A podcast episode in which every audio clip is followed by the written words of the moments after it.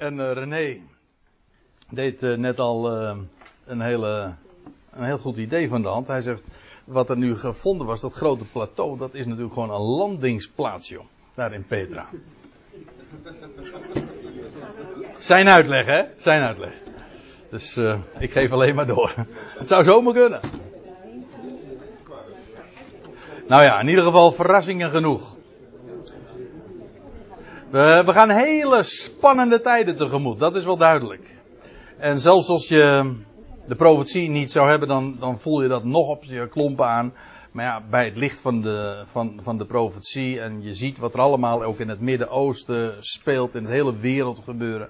En vooral dan ook, ook met die chronologische kennis. Hè, je, je ziet gewoon die klok, die tikt verder. Dus het kan nooit lang meer duren. Dus je weet, ja, de tijd is op handen. En ik, dat is, uh, dat is zo spannend om met dat besef ook te leven. Dat we vandaag dit zo allemaal mogen meemaken en dit perspectief mogen hebben. We waren gebleven. Laten we weer even ter zake komen bij openbaring 12. We hebben inmiddels een paar uitdrukkingen dus gezien.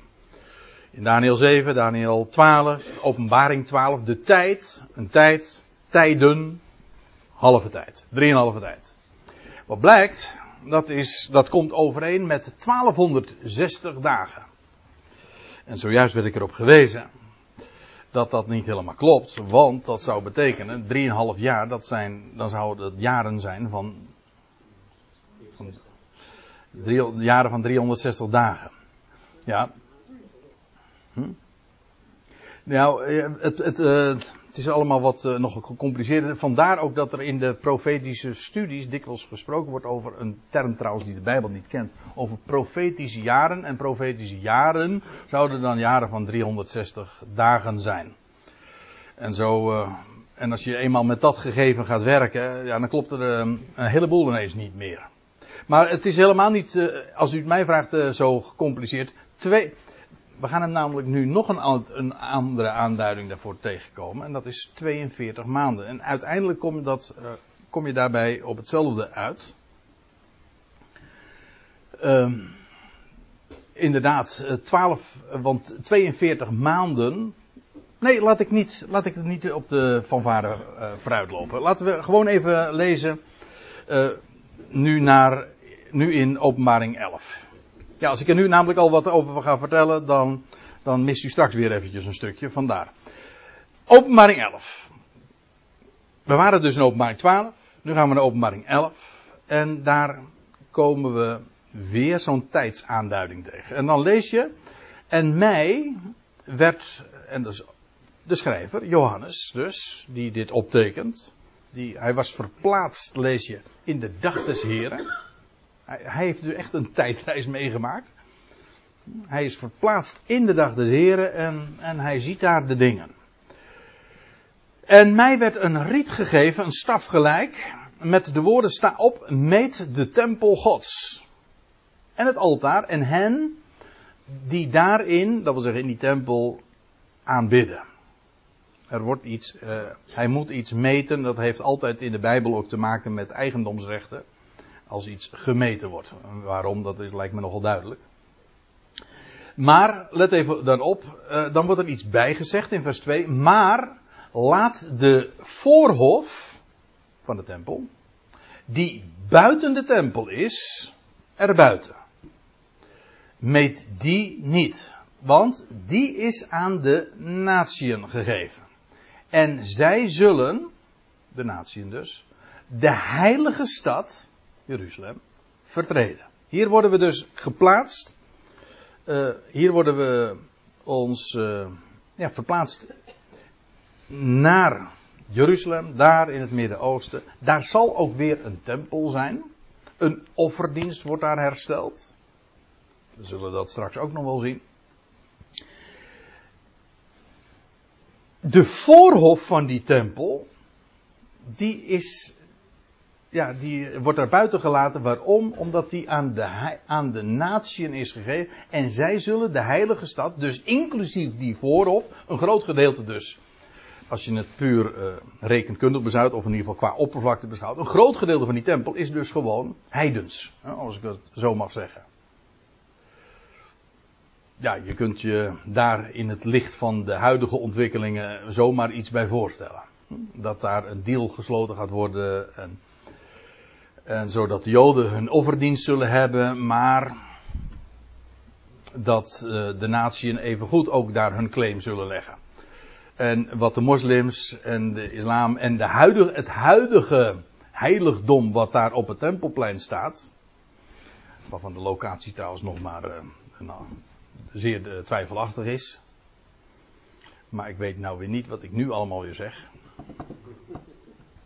Want uh, ik ga dit niet uitleggen. Maar in ieder geval, de, dat, dat, die, die, die, dat heiligdom, waar nu nog zo pontificaal de tekst op staat. God heeft geen zoon dat heiligdom staat er nu nog van de moslims. Nou, u kunt zich wel voorstellen dat voordat de Joden daar weer een tempel hebben, of in ieder geval hun tempeldienst, een offerdienst. Nou, dan moet er nog wel wat water door de wijn stromen. Uh, nee, geen water, water bij de wijn moet je niet hebben, maar water door de, moet er nog heel wat water door de wijn. Uh, nou. Ik heb wel eens moeilijkere woorden gehad waar ik over moest struikelen, maar water door de Rijn stromen. Maar dat gaat, dat gaat allemaal gebeuren. De schrift is daar volstrekt helder in. Trouwens, de Joden die, eh, die staan ook te trappelen om daar weer een tempel neer te zetten. En ik zal het u nog sterker vertellen. Alles is gewoon allemaal al helemaal in kannen en kruiken. De stenen, de gewaarden voor de priesters, alles ligt gewoon al klaar. Moet je nagaan. Ja. Ja. Dus die, ja, de moslims die hebben ook hun eindtijdverwachtingen. De joden ook. En wij ook al. U, eh, u, eh, u voelt wel dat, dat dat gaat escaleren. Er, let er even op. Zij zullen de heilige stad vertreden 42 maanden lang. En nou kom ik op wat ik net even wilde zeggen. Dat is weer diezelfde periode als waar we zojuist tegenaan liepen. Namelijk 1260 dagen. Eigenlijk is het 42, zoveel maand. Het zijn 42 volle maanden. Want een maand in de Bijbel, moet je ook weten, een maand is eigenlijk gewoon een maancyclus. Hè? Wij, spreken over uh, maanden, terwijl het helemaal geen maanden zijn. Een, een, een maand is gewoon, zoals het woord ook aangeeft, een maancyclus. En dat duurt 29,5 dag.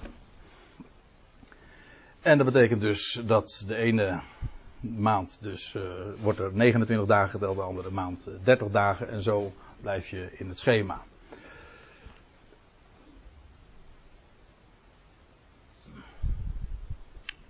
Ja, u hoort mij aarzelen nu. Uh, nee, het is 42 maanden. Dat lijkt me, dat lijkt me, we weten, het is tijd, tijden, halve tijd, jaar, twee jaar, half jaar. Op de maand nauwkeurig weten we het. Het zijn 42, in ieder geval volle maanden. En we weten het zelfs op de dag nauwkeurig. 1260 dagen. En dan lees je. En ik, hoofdletter, de Heer. Ik zal mijn twee getuigen last geven. Dat wil zeggen opdracht geven. Om met een zak bekleed te profiteren. 1260 dagen lang. Hey, dat is eigenaardig, want in, in, vers 2 werd er gesproken over 42 maanden. En hier in vers 3 werd, wordt er over 1260 dagen gesproken. Maar u begrijpt, het is gewoon exact dezelfde periode. Het roept wel een andere vraag op. Waarom die verschillende aanduidingen? En daar is, is iets heel uh, boeiends mee aan de hand. Want als je dat namelijk in het boek Openbaring leest, dan gaat het over de activiteiten van Gods wegen. Zoals in dit geval die twee profeten die namens God optreden. Of die vrouw die onderhouden wordt, gevoed wordt. 1260 dagen, dat wordt in termen van dagen gemeten. Terwijl de activiteiten van de tegenstander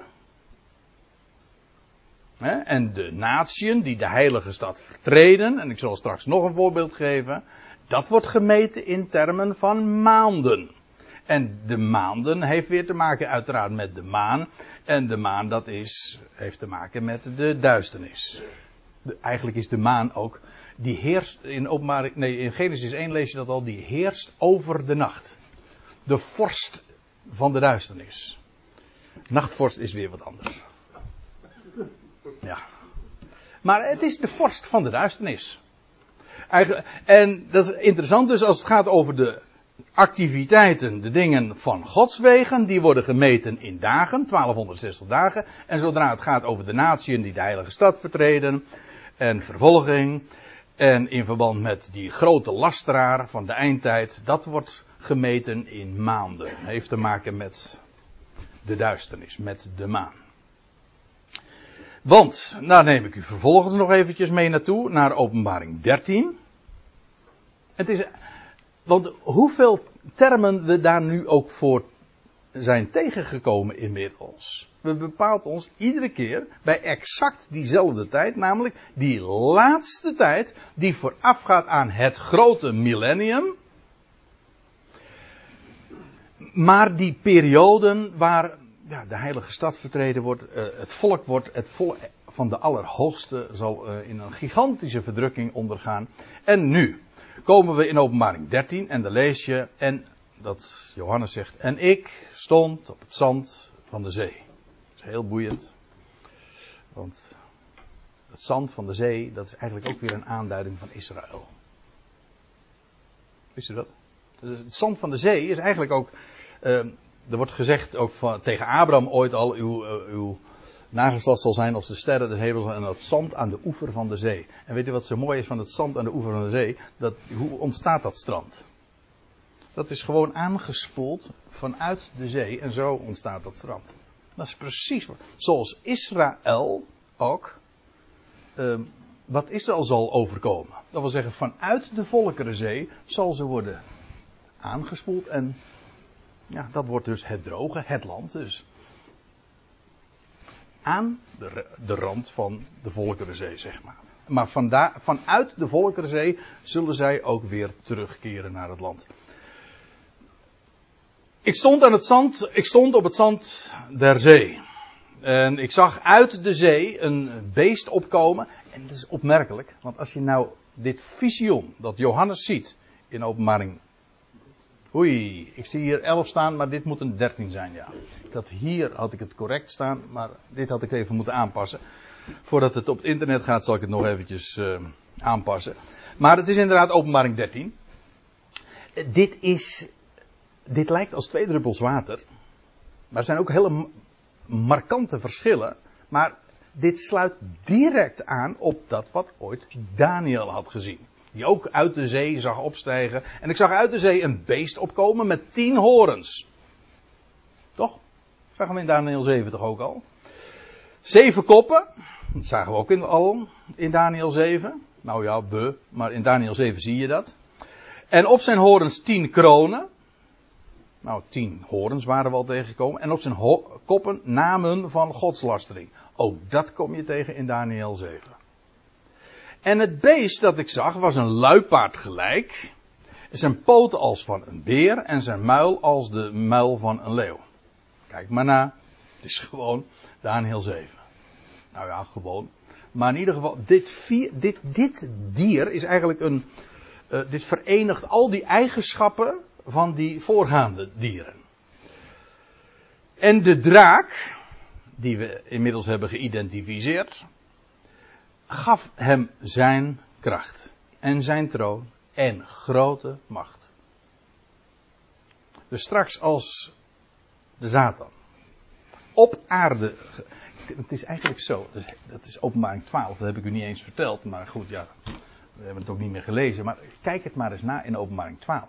Daar is het zo dat op het moment dat die mannelijke zoon wordt weggerukt tot God en zijn troon, weet wat er dan gebeurt? Dan gaat vervolgens gewoon hetzelfde. Satan en zijn personeel eh, worden op aarde gegooid. Dus wij naar boven, zij naar beneden. Eigenlijk, ja, dat is, eigenlijk zijn wij voor hen ook uh, de grote concurrent. Wij gaan straks daar, hè, vanuit de hemel, Vandaar ook dat er een strijd is. Die overheden en macht in de hemelse gewesten, die hebben het op ons gemunt. Ja, waarom? We zijn een rivaal. In ieder geval, die mannelijke zoon gaat naar God en zijn troon. En, die, en de Satan en alles wat bij hem hoort, wordt op aarde geworpen. En dan, ja, dan breekt die vreselijke periode aan. In ieder geval in de eerste plaats ook voor Israël. En de draak gaf hem zijn grote macht en zijn troon en, en grote macht. En ik zag een van zijn koppen als ten dode gewond. Zijn dodelijke wond genas. En de hele aarde ging het beest met verbazing achterna.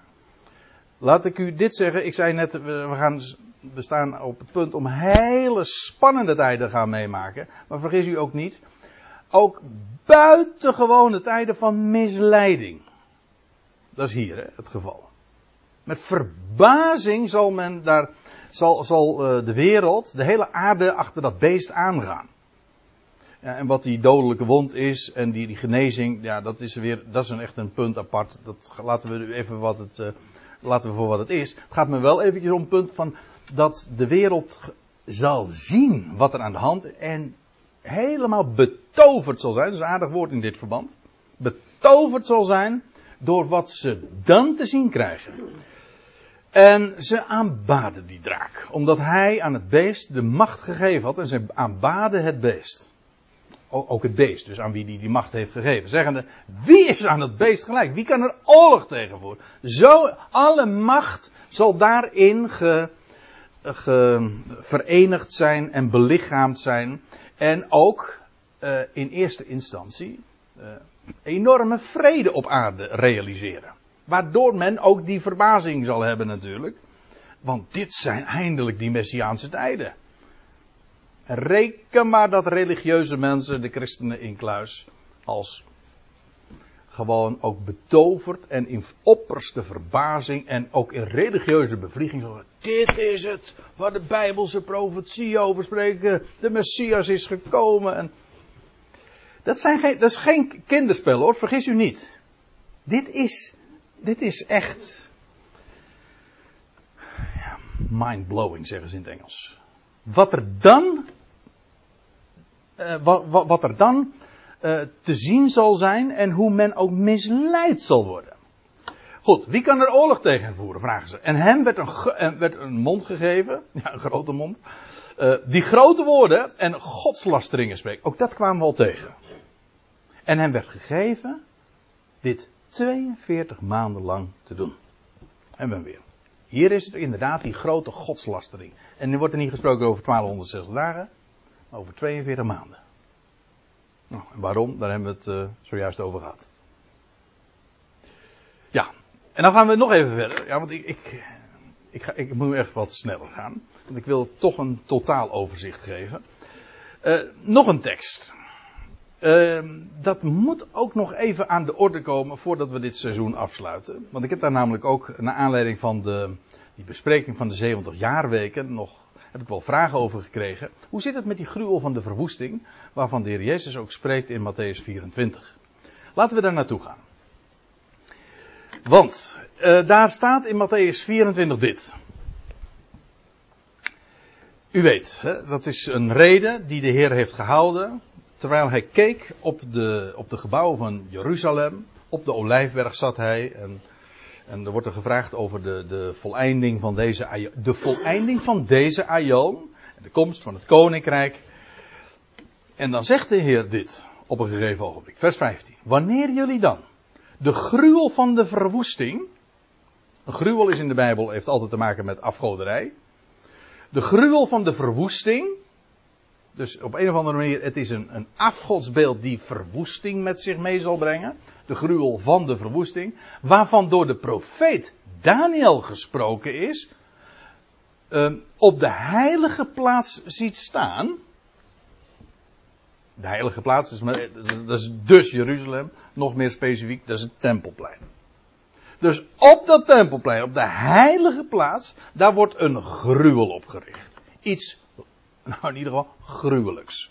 Wat ook verwoesting met zich mee zal brengen. En dan zegt de Heer, wie het leest, geef er acht op. Nou hebben sommige mensen, nee, hebben heel veel mensen, uh, de link meteen gelegd met Daniel 7. Pardon, Daniel 9 over die 700 jaarweken. Maar daar wordt wel zwaar gesproken over gruwel en over verwoesting. En dan heeft men gezegd van ja, maar dat is in die helft van de week. Dat is niet waar. In de helft van de week wordt er niet gezegd van dat er een gruwel wordt opgericht. Staat er niet, kijk maar na. De helft van de week zal je slachtoffer een spijshoever doen ophouden. Maar we hebben al gezien waar dat betrekking op had. Waar heeft het wel betrekking op? Wie het leest, geven er acht op. Nou, we gaan, ik zal het u straks voorlezen. Daniel 12. Maar nog even dit. We, we worden in die reden die de Heer heeft gehouden over de, de laatste dingen, over het einde van deze aion, worden we verplaatst echt weer in Israëlitische, in Joodse omgeving. Hij zegt, laat dan wie in Judea zijn, vluchten naar de bergen.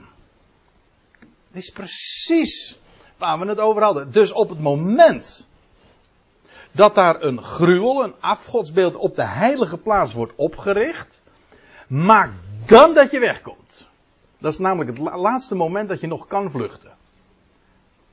Dit sluit weer aan wat we eerder zagen. Die vrouw die vlucht namelijk naar de woestijn voor 1260 dagen.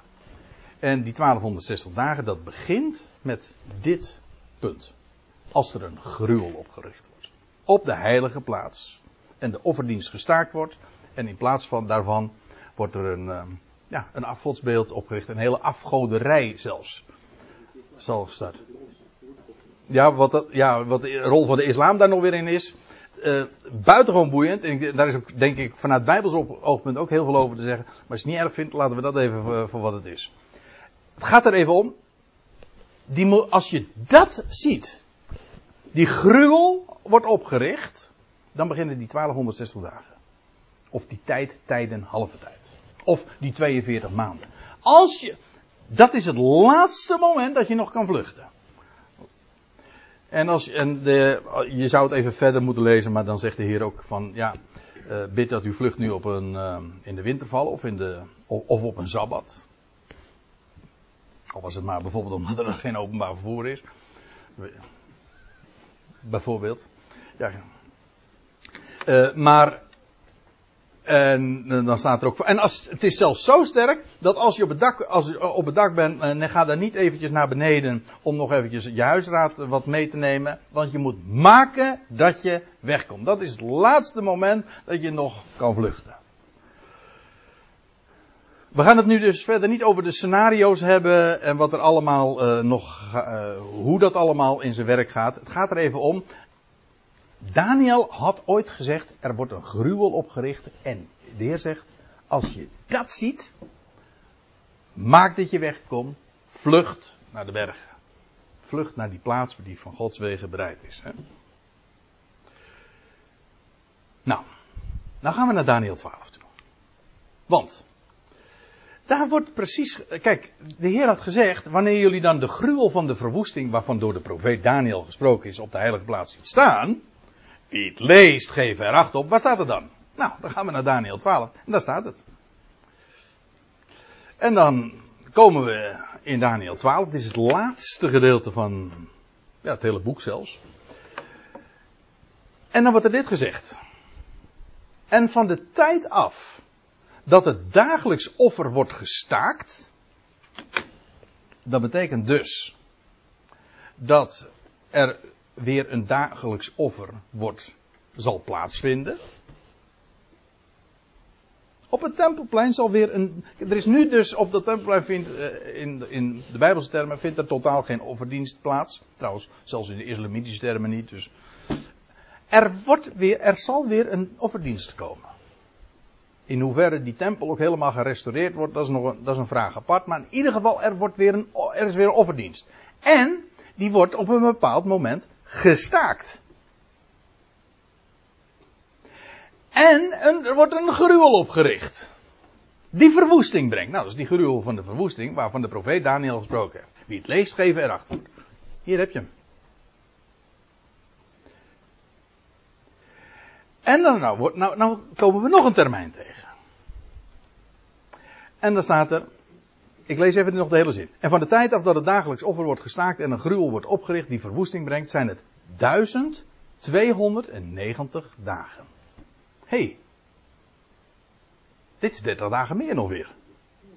We, kwamen, we, kwamen net bij, op, op verschillende manieren, kwamen we 1260 dagen tegen. Hier is het 1290. Hé, hey, er is een maand toegevoegd dus nog. 30 dagen.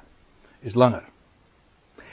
Nou is het niet helemaal duidelijk in Daniel 12 wat hier precies gerekend wordt.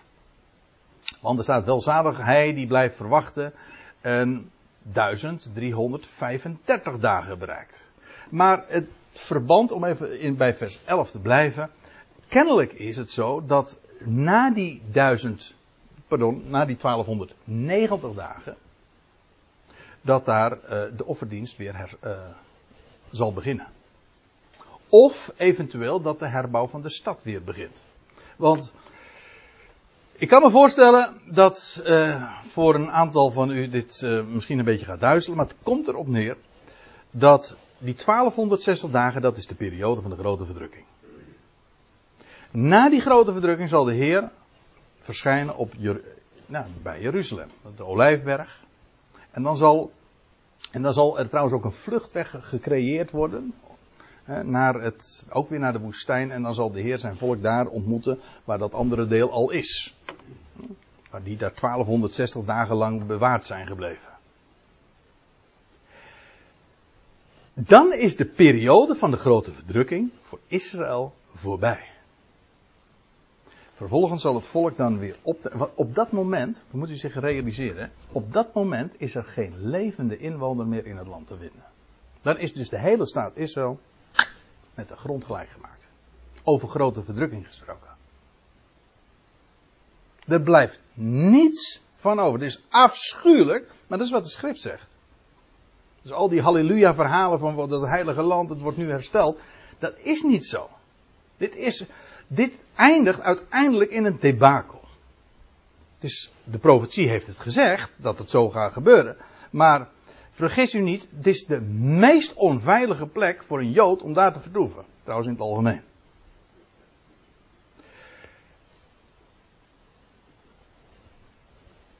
1260 dagen zal er een schuilplaats zijn in de woestijn. En aan het einde van die 1260 dagen zal de Heer uiteindelijk voor zijn volk verschijnen. Dat wil zeggen, voor de, dan zal datgene wat niet gevlucht is, zal de naam van de Heer aanroepen. En dan zal de Heer ook inderdaad verschijnen. De Messias zal verschijnen. Afijn, die zullen uh, uh, vanuit de woestijn, vervolgens zullen ze weer optrekken naar het land. En, daar zal, en dan zal het land uh, hersteld worden. Jeruzalem wordt herbouwd dan. Want u moet zich realiseren, ook Jeruzalem is dan helemaal verwoest. En dan wordt weer van de grond af aan wordt het weer helemaal herbouwd. En, nou goed, u begrijpt, dat is niet allemaal in een late namiddag dat dat zo eventjes een beslag krijgt. Hier wordt dus, behalve die 1260 dagen, wordt hier nog een 30 dagen uh, aan toegevoegd. En dan staat er nog iets. Welzalig hij die blijft verwachten. En 1335 dagen bereikt. Het is nogal specifiek, hè? Ik, ik hoop dat u dat wel met mij zo meedenkt en meeleest. Dus, eerst was het 1260 dagen, vervolgens 30 dagen erbij, 1290 dagen, en hier nog eens een keertje 45 dagen erbij. Hoezo? Gelukkig hij die blijft verwachten, die 1335 dagen bereikt. Van waar, waar, waar slaat deze termijn dan op? Nou, lees even verder. En nu komen we bij het laatste vers van het boek Daniel. Maar jij, Daniel, gaat einde tegen. Je zult rusten. Dat wil zeggen, jij gaat dood. Je zal in het graf komen te liggen. Je zult rusten. En opstaan tot uw bestemming. En dan komt het aan het einde van de dagen. Welke dagen? Nou, waar het in dit vers over ging natuurlijk. Van het einde van de dagen. Nou, er was een termijn genoemd. Zeg van gelukkigheid die blijft verwachten. En die 1335 dagen bereikt. Nou, en het laatste vers. Daniel, jij zal opstaan. Wanneer? Wel, bij die aan het einde van die. Oei, weer een grote fout. Sorry. Dat is om je scherp te houden, zal ik maar zeggen. Ja. Inderdaad, uh, eh, 1335 dagen. Waarbij je dus. Ja, en als, het, en als u zegt van, ik vind het, dit vind ik wat ingewikkeld, dan zeg ik nou, troost u, ik ga het nog ingewikkelder maken. Want het laatste wil ik nog even genoemd hebben, is namelijk nog een termijn. En dan ga ik het op een, op een rijtje zetten, want in Daniel 8 komen we nog een periode tegen. Namelijk van 2300 avonden en morgens. En ook daar, kijk het maar na in het verband. Ik, ik reik u dus een heleboel aan, zonder daarbij het hele verband te betrekken. Maar ik, goed, u hebt een heel zomerseizoen nog. Uh, dus uh, dan kunt u gewoon eens die schriftplaats ook nakijken van, en als een bereer checken van hoe zit dat. En Daniel krijgt, dat is weer bij een, een, andere visioen over een ram en een bok, en dan krijgt hij een uitleg en dan, zegt hij, dan staat er in vers 13, toen hoorde ik een heilige spreken, hoe lang zal dit gezicht gelden? Het dagelijks offer en de ontzettende overtreding, het prijsgeven van het heiligdom, het vertrappen van het Heer, dat wil zeggen het Heer van de hemel, van, van het volk. Hoe lang gaat het duren? En hij zei tot mij, 2300 avonden en morgens. Dan zal het heiligdom in rechten hersteld worden. Dus we hebben nu al een, uh, een, een heel aantal periodes zo genoemd. Laten we, laten we ze eens op een rijtje zetten. Ik heb er alleen maar aan, aan getipt. Hè? Aan, ik heb het genoemd.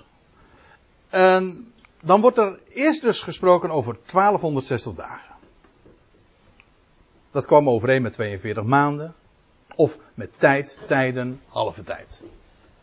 Het is de periode dat de twee getuigen daar in Jeruzalem. Welke twee getuigen? Wat zullen ze dan doen? Wie, zijn dat? Boeiende vragen, daar hebben we het niet over. Maar in ieder geval, die twee getuigen van Gods wegen zullen ze daar op de gevaarlijkste plek van de hele wereld dan, zullen zij profiteren. Maar ze zijn verzegeld, ze, zij profiteren. En ze, ze hebben zelfs de, er staat zelfs bij van die getuigen, ze hebben de macht om de hemel te sluiten. Drie jaar en zes maanden. En wie, wie, van wie weten we dat ook? Elia. Hij bad een gebed. Hm? Hoe was het ook alweer? En hij, hij bad een gebed. En het regende niet. Hoe lang? Kijk het maar in Jacobus 5, trouwens in Koning ook. Het regende niet. Drie jaar en zes maanden. Precies dezelfde periode weer dus. Ja, zeg mij maar eens een keertje dat dat niet profetisch is. Afijn. Het is de periode ook van die 1260 dagen of 42 maanden of tijdtijden, halve tijd, dat een gelovig overblijfsel, die vrouw, nadat ze de mannelijke zoon gebaard heeft en die weggerukt is tot Gods troon, dan zal ze daar in de woestijn, in de wildernis, zal ze bewaard worden en onderhouden worden van Gods wegen. Op een wonderlijke wijze. Aan het einde van die periode, van die 1260 dagen, zal de Heer terugkeren eigenlijk het meest markante uh, tijdstip. Vandaar ook dat dat verreweg het meest genoemd wordt in de profetie. Hè? Tijd, tijden, halve tijd, 42 maanden, 1260 dagen. Dat is die periode van de grote verdrukking. Aan het einde van die grote verdrukking, kijk het maar na in Matthäus 24. Na de grote verdrukking zal de zoon, de Ben-Adam, verschijnen. En de twaalf stammen van Israël verzamelen. Is daarmee uh, alles. Uh, koekenij? Nee, want dan krijg je nog een, uh, een periode waarin de zoon ook zijn heerschappij gaat vestigen. Eh, 30 dagen later zal de offerdienst hervat worden, of eventueel, ik hou dat open, ik weet het niet, ik kan dat niet direct zo uit de schrift opmaken, dat er een begin gemaakt wordt met de herbouw van Jeruzalem. En nog weer 45 dagen later, oftewel 75 dagen na het einde van de grote verdrukking, zal de opstanding plaatsvinden. Van in ieder geval Daniel. En in het algemeen van de rechtvaardigen van Israël. Dat is nogal precies ge, ge, gedateerd. Dus de wegrukking van die mannelijke zoon, ja, die, dat, die, je kunt, je kunt je zelfs op de dag nauwkeurig, kun je zeggen van hoe lang die periode zal zijn vanaf dat die mannelijke zoon wordt weggerukt tot aan de, de opstanding van die rechtvaardigen. gaan we nu niet doen, maar dat is niet zo moeilijk.